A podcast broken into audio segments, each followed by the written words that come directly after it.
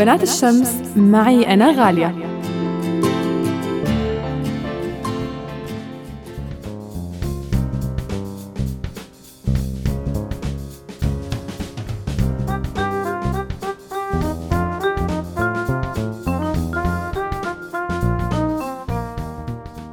رح نروح بفقرة اليوم من بنات الشمس للفنون التشكيلية وأنثى قدرت تترجم الواقع القاسي والدمار لقطع فنية تضل شاهدة على واقع البلدين يلي عاشت فيهم سوريا وفلسطين.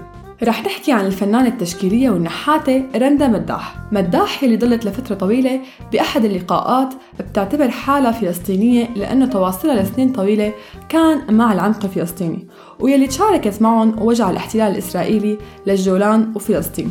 بلشت رندا تشعر بسوريتها بعد ما درست الفنون والنحت بالشام حسب تعبيرها. هذا المكان هو مكاني وانفصلت عنه قسرا بفعل احتلال الجولان.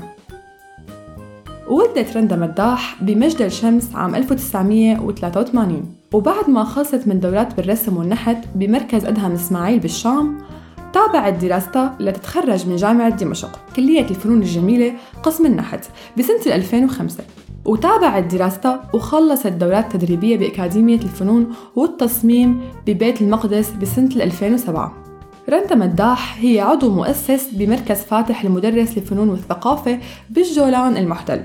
وهي أشبه بمركز ثقافي مصغر مخصص للفن المعاصر وتعليم الفنون.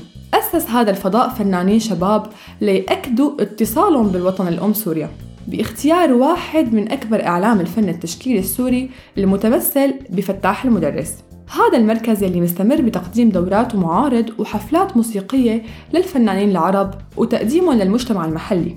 رندا مداح قدمت أعمالها بعدد كبير من الصالات الفنية وتنقلت بين عدد من الدول.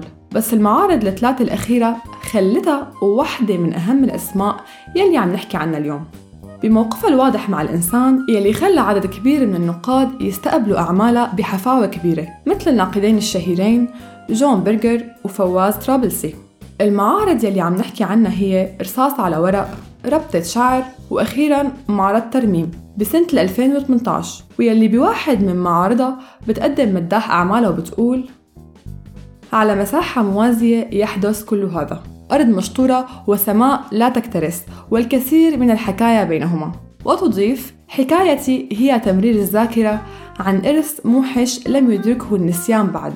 بتأكد مداح بأغلب لقاءاتها أنه أعمالها المعروضة بتنطلق من مفهوم المكان يلي نشأت فيه. وهذا الشيء بيحكي عنه الكاتب البريطاني جون برجر ويلي بيقول عن رندا مداح كأنك تحملين حصى هضبة الجولان في يسارك وفي يمناك ترسمين أحشائها. وبتضيف برجر عن أعمال مداح الساحرة حسب وصفه بيقول أعود إلى فلسطين وأتأمل الأرض التي أمشي عليها. وأفكر في قرارة نفسي أنها كلها تشكل شظايا ليست من الأرض بل من الوطن. وهذا ما تعكسه الأشكال التي تخلقين.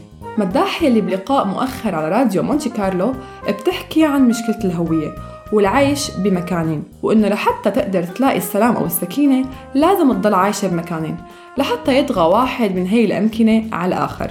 هي الرحلة بين الأمكنة خلت عند مداح رحلة تانية بالفنون. فانتقلت من الرسم بقلم الرصاص على الورق أو رسم سكتشات للنحت بعد تأثرها بالواقع يلي عم بتعيشه. وأكيد الشي يلي عم تعيشه اليوم سوريا. رندا مداح من بنات الشمس. وأنا كنت معكم غالية. انتظروني بفقرة جديدة. سلام.